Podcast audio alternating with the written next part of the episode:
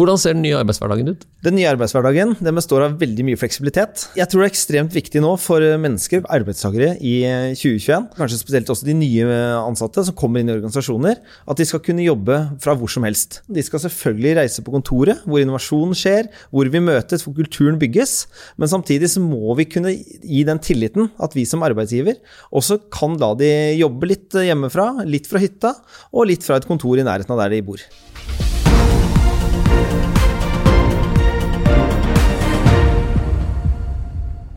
Det er få mennesker jeg kan si med hånden på hjertet at er så all in som dagens gjest. Emil Eriksrød står for eierskap i R8 Property og utvikler eiendom. Han har 55 registreringer på proff.no. Bestrider det litt her, for det har vært flere før, har det ikke det, Emil? Det stemmer. det stemmer. Det var, det var en del flere før, men nå har vi kutta det litt ned. Dette er veldig spennende å få deg på besøk, for i dag skal vi snakke om det nye arbeidslivet og også hvordan det er organisert. Og du er jo sammen med dine kompanjonger en stor eiendomsutvikler. Du har ambisjoner om å skape bærekraftige eiendoms- og næringsbygg. Og du har også svært passionate rundt det med teknologi. Så velkommen. Takk for det. Jeg gleder meg til denne praten. La oss gå rett på ballen. Hvordan er ståa i dag, i 2021? Hvor er dere nå? Uh, nei, jeg syns vi egentlig står uh, veldig godt. Jeg er veldig fornøyd med den posisjonen vi har akkurat uh, i dag. Vi begynte jo, spesielt hvis vi går inn på eiendom da, og bruken av teknologi, og hvordan mennesker har jobbet, og hvordan vi tror mennesker skal jobbe i fremtiden, så startet vi jo for to-tre år, fire år tilbake å se disse trendene komme inn, og begynte å jobbe med fleksibilitet inn i arbeidshverdagen. Og det startet jo med teknologi, teknologisatsingen vår, som vi kanskje for alvor satte i gang i, i januar 2018.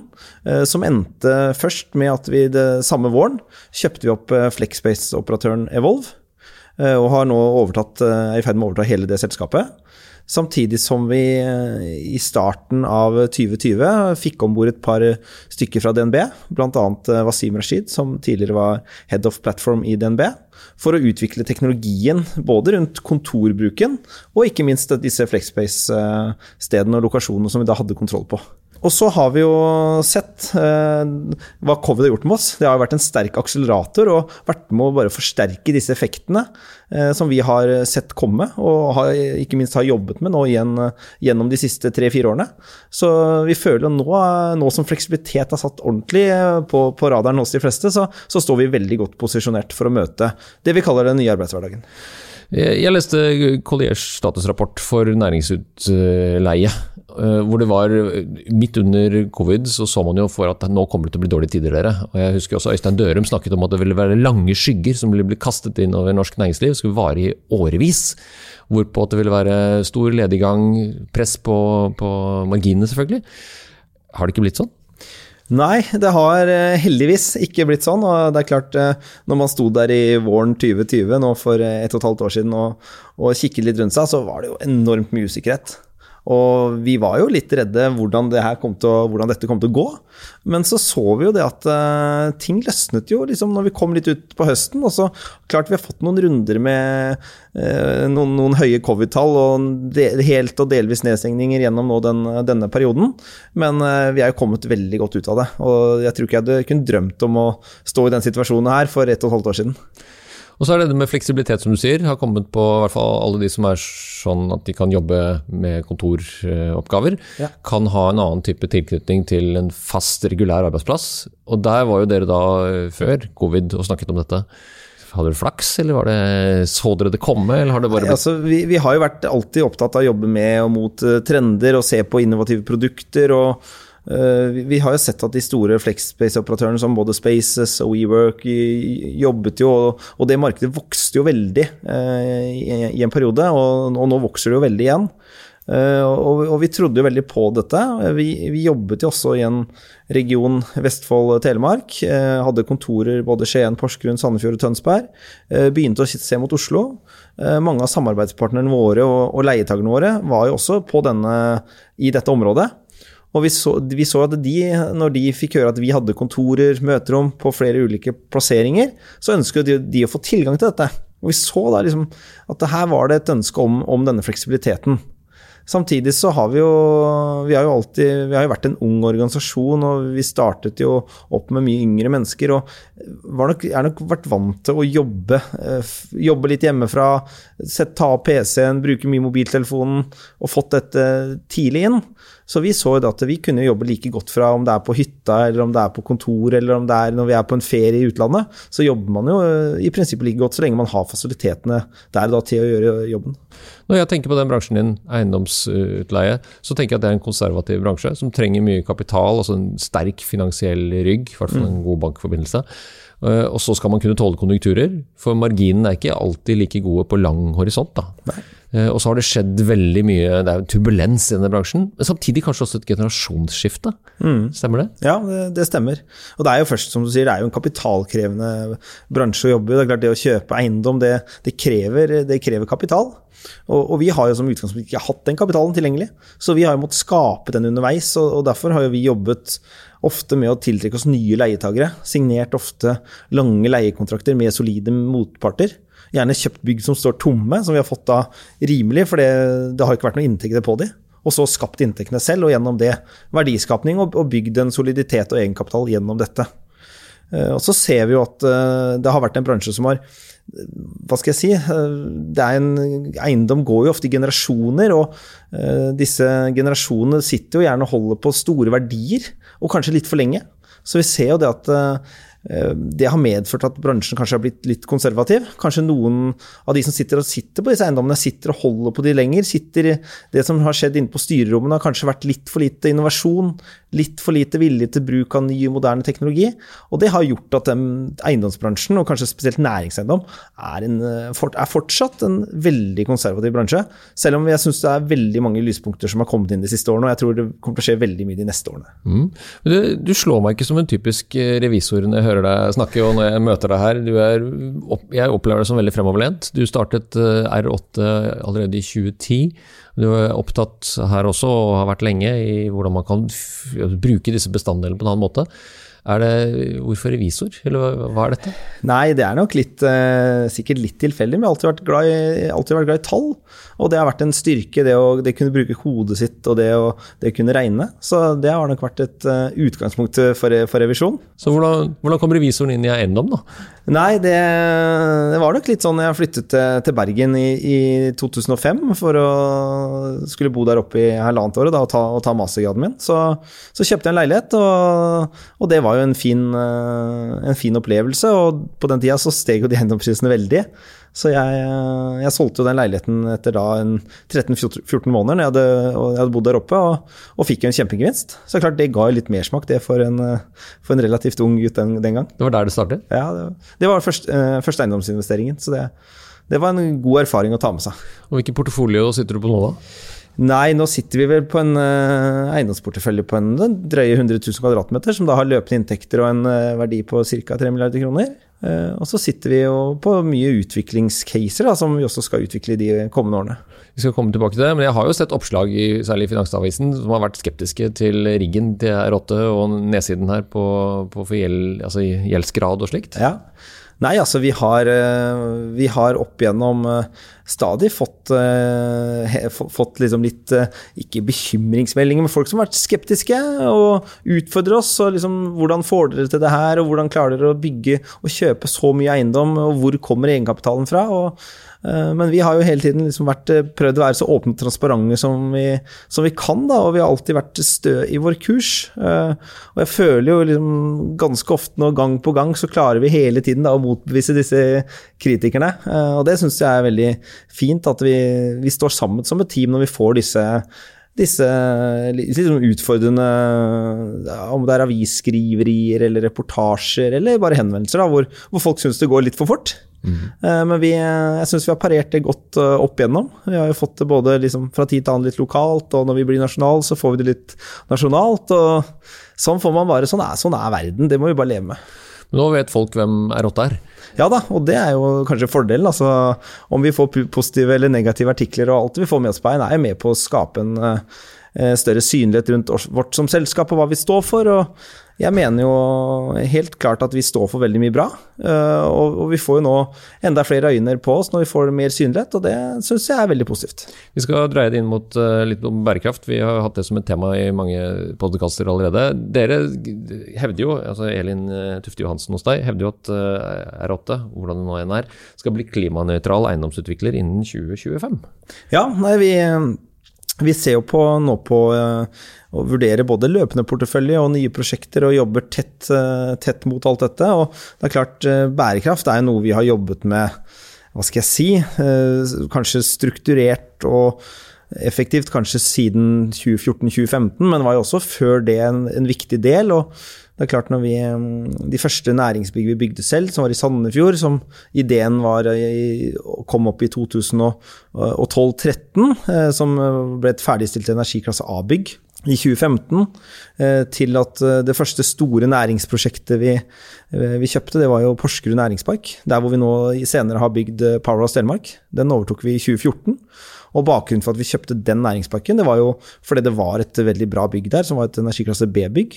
Som hadde Slippen heter det, som da hadde vært et Enova forbildeprosjekt. Som vi syntes var veldig spennende å jobbe med. Og visjonen var jo da i 2014 at dette skulle bygget og bli Norges grønneste næringspark. Og, og derav kom jo da scene i 2015, lanserte vi jo Powerhouse Telemark. Ja, og vi skal grave litt mer i det, men hva legger du i det med klimanøytral? Altså på gamle bygninger er ikke dette så lett. Det er under 10% av bygningsmassen i Norge på A- og B-sertifisering som er Altså, som er det, og 90% av de er ikke det. Nei, Nei så vi ser jo altså, av, av vår, i vår portefølje sånn som den er i dag, og det vi skal bygge fremover, så ønsker vi å fokusere på energiklasse A-bygg eller bedre. Vi har flere energiklasse A-bygg i porteføljen. I tillegg så har vi Powerhouse Telemark, så vi har veldig mange gode bygg i porteføljen vår. Vi kommer samtidig til å se på de byggene vi har. Vi jobber masse med energitiltak, og jobber da med, Enova Nova for å utbedre og forbedre byggene vi har. Samtidig så det, skal vi også både bygge noe nytt, og vi skal også rehabilitere fremover. Og når, når vi bygger noe nytt og rehabiliterer, så er jo Bream-sertifisering, og ikke minst energiklasse og hvilke, hva vi bygger etter, ekstremt viktig. Og når vi bygger nytt nå, så er det energiklasse A eller bedre. I utgangspunktet så syns jeg vi skal søke å ha Powerhouse-standard eller, eller, bedre, og da skal, det, da skal det selvfølgelig være klimanøytrale bygg. Hvor viktig er dette for kunden nå, leietakeren? Det er i ferd med å bli veldig viktig. Ja. Gjennom de siste årene så har det jo på en måte alle syntes det har vært fint, men de har liksom ikke verdsatt det ordentlig. Mens nå de siste, de siste to årene så har det skjedd veldig mye. Det har gått fra nice to til need to, egentlig? Ja, ja. det har det. Og, og, det kommer bare til å forsterke seg ytterligere. Så betalingsvilligheten kommer til å stige. Eh, og kanskje enda viktigere er at de eiendommene og de aktørene som ikke tar det her innover seg nå, og hensyntar det, de kommer til å stå med tomme bygg. For de byggene som ikke har en god energimerking eller gjort noe innenfor klima, de kommer til å stå tomme. Men det er jækla komplisert. altså Jeg prøver å følge litt med på taksonomien, som jo ikke er klar, og som egentlig bytter litt fra måned til måned. Nå, altså Vannkraft var ute før jul, nå er gass inne. Eh, og, og, så blir man litt sånn der, tankefull om når disse reglene kommer, ja. og tres over alle sammen, særlig næringsdrivende, mm. så blir det et sånt rapporteringsregime. Ja. Hvordan forholder du deg til dette her? Nei, altså det er jo som du sier utfordrende da, at regelverket liksom hele tiden er i Og, og man, man, lærer jo nytt hele tiden. Mm. Men vi prøver bare å søke og hele tiden ligge tett på å få med oss ny informasjon, prøve nye Å jobbe med innovasjon, jobbe med nye metoder på hvordan vi bygger og utvikler eiendom. Og så tror jeg det er, har vi fortsatt vært litt mer opptatt av hva vi faktisk bygger, enn hva vi rapporterer. Så ser vi at det, nå, er, nå er det så mange som lurer på hva vi rapporterer og hvordan vi gjør det, så nå, nå, kommer vi også til å rapportere mye. Men frem til nå så har vi vært ekstremt opptatt av hva vi bygger og hvordan vi bygger det, mer enn hvordan vi rapporterer det. For det blir jo veldig synlig, da. Når dere posisjonerer som dere gjør, Emil, og er så høye og mørke og sier at dette gjør vi, vi skal være klimanøytrale innen 2025, se på oss. Og så vil jeg tenke at en god del andre med litt eldre bygg i, bygnings, altså i portefolioen sin, tenker litt hm, for nå se hvordan de får til dette. For, for, gamle bygg som du rehabiliterer, har jo en utfordring med betong og armeringsjern mm. og ventilasjon. Altså det blir mye kilo av det, det blir masse av det. Masse. Og den reguleringen av det er jo heller ikke klar. Nei. Man kan gjenbruke dette her. Så, så hvor, hvor, stort, altså Hvis man skal være klimanøytral innen 2025, altså hvor langt strekker ansvaret til R8 seg? da? Nei, altså det strekker seg jo egentlig veldig langt, for vi har en veldig stor innflytelse på veldig mange, som, som utvikler og ofte den som er bestiller da, av både når vi rehabiliterer eiendom og ikke minst bygger nytt, så er det vi som setter føringene. Det er vi som setter premissene for alle våre leverandører. Og det er klart Når vi bygger bygg som Powerhouse Telemark, eh, nettopp lansert Powerhouse Tønsberg, skal jobbe videre med flere Powerhouse, eh, i tillegg til at vi skal også jobbe mye med rehabilitering, og ikke minst da gjenbruk av materialer, og hvordan vi håndterer alt dette, så er det vi som setter premissene. Og gjør vi det riktig, så kan vi, så kan vi bidra mye. Det som er litt gøyalt med den powerhouse-definisjonen, er at i Tyskland har de jo siden 1980-tallet kunnet levere strøm tilbake til gridet. Ja. Det er ennå ikke mulig i Norge. Så, så, man må gjerne lage strøm i en bygningsmasse, men du får ikke levert overskuddsstrømmen noe sted. Så vi har en jobb å gjøre på flere Det er klart det er mye rundt det politiske her nå som jeg også tror det kommer til å skje veldig mye med. Nå jobber vi også godt med Skagerrak Energi inn i det nye prosjektet vårt, og, så det blir spennende å se hvordan. Og, og så er det jo alternative måter, da, sånn som på, i Powerhouse Telemark så leverer vi da tilbake til enten nabobyggene våre, eller, eller da til eh, elladerne til elbilen som står utenfor bygget. Er du ikke redd for at det er litt sånn greenwashing i det heller, da? Så, i, i, når man drar det så langt som å bygge et powerhouse med så mye bruk av teknologi, så føler jeg ikke det. Men det er klart det er, det er mye her ute da som er greenwash, og som, mange som prøver seg på mye. Men jeg, jeg, føler at det vi gjør er ekte, og det, det, koster ganske mye mer, de beslutningene. Og vi må legge inn mye mer langsiktighet i det for å, for å få den samme inntjeningen i, i disse investeringene. Du følger sikkert med næringsminister Jan Christian Vestre sitt konsept der ute i skogen i Magnor, som skal bygge denne fabrikken til 300 millioner kroner. Ja, jeg har så vidt, så vidt fått med meg det også. Ja, Han skal jo på besøk til 100 forskjellige eh, næringer, altså arbeidsplasser. Du må jo prøve å komme på den lista. Ja, det burde, burde vi fått det. Ja, I hvert fall når du får opp eh, Powerhouse eller to til. Ja, ikke tror jeg sant? du må sende en eh, melding inn til Næringsdepartementet. Ja, ja. Jeg blir også litt nysgjerrig på, på, dette med Du er opptatt av innovasjon og teknologi, og prøver å ligge litt fremover. Jeg kjenner faktisk både på godt og vondt Orbit-appen som pilot bruker. Noen ganger har jeg blitt låst ut av min egen adgangskontroll. Men sånn er det jo. Også, Wasim har bedyret at de jobber med saken, og det er alltid telefonnummer å ringe. Men det er jo ikke helt enkelt å bare skal bruke teknologi og så gjøre ting enklere for folk. Nei, det er helt sant. Og det er klart, det å jobbe med innovasjon, det er ofte krevende. Og du må på en måte du må ha en sterk vilje til å gjøre det. Du må ha med deg også om det er leietager eller eh, brukerne av bygg og, og samarbeidspartnere. Da skal vi få til der. Så det har jo vært en morsom og spennende pilotperiode hvor vi nå jeg føler vi har kommet ganske langt med produktet Orbit da, og, og, og, hele det konseptet. Så det blir veldig spennende, spennende videre. Eh, hvor omfattende kan det bli? Nei, det kan, det kan bli veldig omfattende, tror jeg. Eh, og det er det vi håper på. Eh, så jeg kom nettopp faktisk fra møtene med, med Wasim nå, hvor eh, vi opplever en sterk interesse fra egentlig mange ulike hold. Og det er klart, eh, det Orbit gjør, er jo på en måte å revolusjonere arbeidshverdagen og legge til rette for en veldig høy grad av fleksibilitet da, og, og, mulighetene for det. Dette er jo plattformøkonomien, men tatt inni den arbeidssituasjonen man er i, og, og tenke seg at det skal være en sånn tjeneste som du nærmest, om ikke abonnerer på, har tilgang til, er ikke det ja, riktig? Jo, stemmer. Og så interagere med den applikasjonen. Da. Ja. ja, er det for så vidt starta? Eh, ja, altså vi, vi, har jo fått nå til eh, Produktet er jo lansert oppe og står, og vi har jo samarbeid nå med, med flere av de store gårdeierne. Og Obos nærkontor har jo også basert eh, løsningen sin på, på vår teknologi, og, og syns det er veldig morsomt da å jobbe med andre store aktører med, med det her. Og, og, ikke minst gi de tilgangen til, til den teknologien og det vi har gjort. Og, og, litt av det vi snakker om også når vi snakker om bærekraft, er jo det at det, det er jo mange næringsbygg der ute. Og veldig mange av disse står jo tomme store deler av tiden. Mm. Og det er klart, hvis vi legger ny teknologi inn i byggene, som gjør at vi kan øke bruken av byggene, så er det mye bedre for samfunnet, øh, og også mye mer bærekraftig, enn om vi som eiendomsaktør bare fortsetter å, å bygge nye bygg. Men hva er det du tenker nå? Hva kan, hva kan den der lediggangen på, på, areal brukes til, da? Den kan jo brukes da til F.eks. så står jo ca. Eh, ja, møterommene står ca. 50% av hver tid ledige. Så istedenfor å bygge nye møterom, så kan vi da få opp bruken på de eksisterende møterommene som allerede står der tomme. Så det blir som parkeringsplassene når de i parkeringskjellerne plutselig introduserer sånn grønn og rørt eh, lys. Så skjønte man at her kunne man monitorere det og så gi tilgang. Og så kan man gi tilgang, ja. ja. Og da kan man jo øke kapasiteten på bruken av parkeringsplassene. Eh, mye bedre, få en mye bedre utnyttelse.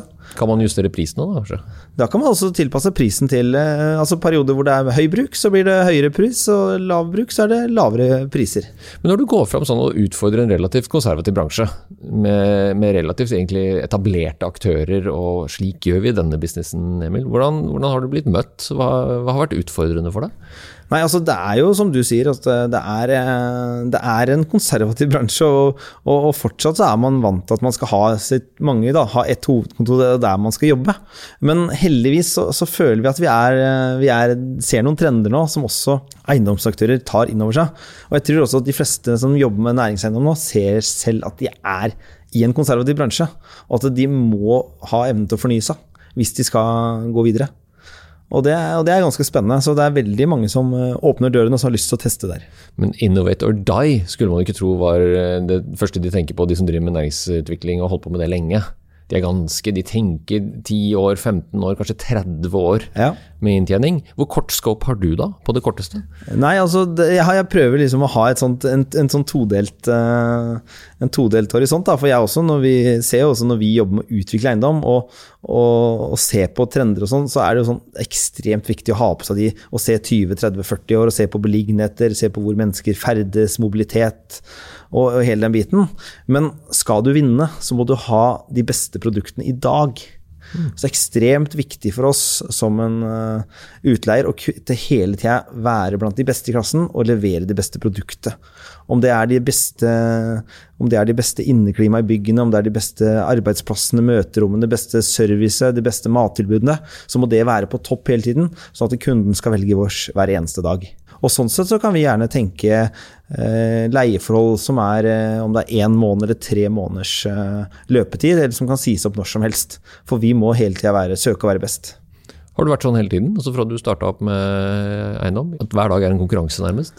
Ja, jeg tror alltid jeg har sett eh, i hvert fall litt sånn på det, at det hele tiden så må man være på, man må levere. Og vi er jo også et vekstselskap, så vi må jo, skal vi vokse, ta nye kunder, ta nye markeder, så må nok vi også være litt bedre enn en snittet. Og det er klart, eh, det at det har vært en konservativ bransje, har nok også gjort det litt lettere å ta en posisjon som en litt større utfordrer.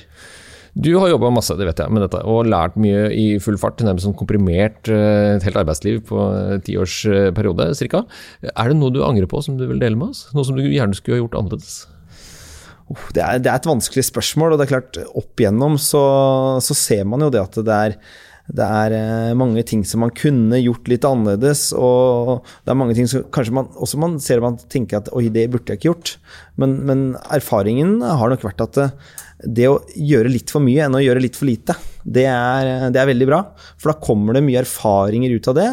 Og så, og, så, og så, lærer man. Eh, for det er klart, jeg har gjort mange feil opp igjennom. Eh, men det å da ta evnene og, lære av de feilene, og, og, faktisk tørre å begå de feilene, det har, vært, det har vært veldig viktig. Og det har liksom medført at du kanskje har gjort mer riktige ting i etterkant. Utrolig bra politikersvar, for jeg eh, kan liksom ikke følge deg på noe annet. Det er veldig godt, det er riktig svar. altså sånn Læringen og refleksjonen rundt det, og så kommer det nye muligheter. Men så er jeg jo samtidig nysgjerrig på Det er jo sikkert noen som er litt ja, hva skal vi si da, irritert på at det kommer folk fra Skien lykkes med å sette bærekraft, innovasjon og fleksibilitet på agendaen. Jeg vet jo for ti år siden, når vi begynte å snakke om at de amerikanske utleierne på Flexispace dukket opp her, WeWork nevnte du mm. andre, så var jo bransjen nærmest i litt sånn der harnisk. Og at her kommer utlendingene, og de har dårlige marginer, dette skal vi konkurrere mot. Men de så kanskje ikke R8 komme, da? Nei, det, de så kanskje ikke det. Men uh, jeg tror uh, Jeg er jo overraska også over at det ikke har kommet kanskje flere aktører som, som har tatt det her ordentlig inn over seg. Uh, og Vi ser jo mange bransjer nå så skjer det veldig mye, men jeg syns jo det skjer altfor lite. Uh, og sånn sett så kunne ikke jeg også sett at vi hadde tatt, satt bærekraft enda tydeligere på agendaen enda tidligere. Samtidig som jeg føler vi har vært tidlig ute så, og, og, skapt en kultur for det i organisasjonen vår. Men det er klart det, det er også noe vi har, vi har, prøvd og feilet mye med da, og jobbet mye med internt. og Det har også vært veldig lærerikt. og Det tror jeg også vi kommer til å dra nytte i, i de kommende periodene. Og så vet jeg at du er opptatt av mennesker, og jeg har snakket med to av menneskene dine, som er jo veldig gode ambassadører både for eh, arbeidsplassen og for det dere jobber med. Eh, hva er, eh, hva er lederfilosofien og hemmeligheten rundt det? Nei, altså det, det som er at vi, vi, vi har blitt en, en, stor familie nå, med mye flinke mennesker. som, som jeg tror føler at de får, de får lov til å være med og bidra, og får lov til å være med og gjøre og ta de valgene de tror på. De får mye tillit i organisasjonen vår. Eh, både av meg som leder, men, men også av andre i organisasjonen. Eh, og så har vi nok eh, vært tydelige på at vi er en utfordrer, og vi ønsker vekst. Og vi ønsker å ta en del av disse om det er det å skape en meningsfull arbeidshverdag da, for mennesker. Og det handler ikke bare om det du gjør på jobben, men det handler om hva en arbeidsgiver står for. Så det å bidra til å skape engasjement og liv i byer, det å skape bedre, bedre, bedre bygg, det å skape bedre hverdag for mennesker, det er, det er noe vi har jobbet med også liksom, rett utenfor liksom, bare, bare, det å bygge de byggene vi har. Da. Ser du på deg selv som en sånn verdidrevet leder? Ja, det gjør jeg. Mer leder eller eier? Eh, mest leder. Ja, men du eier jo dette sjøl? Ja da, altså eh, morselskapet eller investeringsselskapet mitt, da, som det heter, eier jeg jo eier selv. Men det er klart vi på veien så har vi fått eh, Vi har jo flere eierkonstellasjoner i selskapene som, hvor jeg da er medeier i nedover. Og eiendomsselskapet vårt nå, så etter at vi også ble notert på Euronex Growth, så har vi vel nå tror jeg vi har passert 200 aksjonærer. Eh, og i flere av de andre teknologiselskapene og, og restauranten vi er medeier i, og andre selskapene, så er vi også medpartnere og, og, og jobber sammen for å nå, nå målene våre. Jeg syns dette har vært helt strålende, og tiden har flydd når vi har snakket sammen, Emil. Og jeg, jeg unner jo deg all mulig hell og lykke, og jeg tror ikke det er helt, det er ikke helt gitt at dette blir uh, uproblematisk fremover heller. Kommer til å gå med masse utfordringer på veien. Så er det bare litt nysgjerrig helt til slutt, for det er jo slik at kanskje en av de største konkurrentene dine er jo nettopp hjemmekontor. Uh, innen det segmentet som man tenker seg at uh, man kan jobbe fleksibelt og man kanskje ikke trenger å komme på kontoret. Men ettersom arbeidsgiverne må legge til rette for enda mer fleksibilitet også hjemme, er det noe du diskuterer eller snakker med bransjen om? da? Eh, det, det, snakker vi mye, mye, om. Og så ser vi altså, i praksis, da, når samfunnet åpner tilbake, så sitter jo mange hjemme. Men så ser vi for mange av de som sitter hjemme, så sitter jo alle disse sitter jo da foran en PC et eller annet sted. Og da må det flere kontorer til, flere PC-er til, flere skjermer, digitale møterom. Så det skaper, liksom, det skaper endringer. Og vi ser jo også nå i praksis at eh, bedriftene leier jo ikke noe, så mye mindre areal, eller bruker ikke noe mindre arealer nå enn det de gjorde før. Så så vi, eh, fortsatt så ser det ut som vi får en eh, spennende fremtid, og at vi får eh, Mennesker ønsker fortsatt å møtes, og, og, vi, og vi, som nå har vi snakket litt om det å jobbe med nytenking, det å jobbe med kultur, jobbe med innovasjon, det, det skjer når vi er sammen. Dette har vært helt herlig, og du er en herlig ambassadør for både din generasjon og for de som utfordrer en ganske konservativ bransje. Så lykke til videre i arbeidet med powerhouses og fleksible leie, leiekontrakter. Takk for praten, Emil. Takk selv, det har vært veldig fint. Hvis du likte denne podkasten, hadde vi satt utrolig stor pris på om du abonnerte og gir oss en tilbakemelding i avspilleren. Spre gjerne ordet videre til andre ledere som er lidenskapelig opptatt av ledelse, strategi og innovasjon. Mitt navn er Tor Haugnes. Sammen er vi all in med Oslo Business Forum.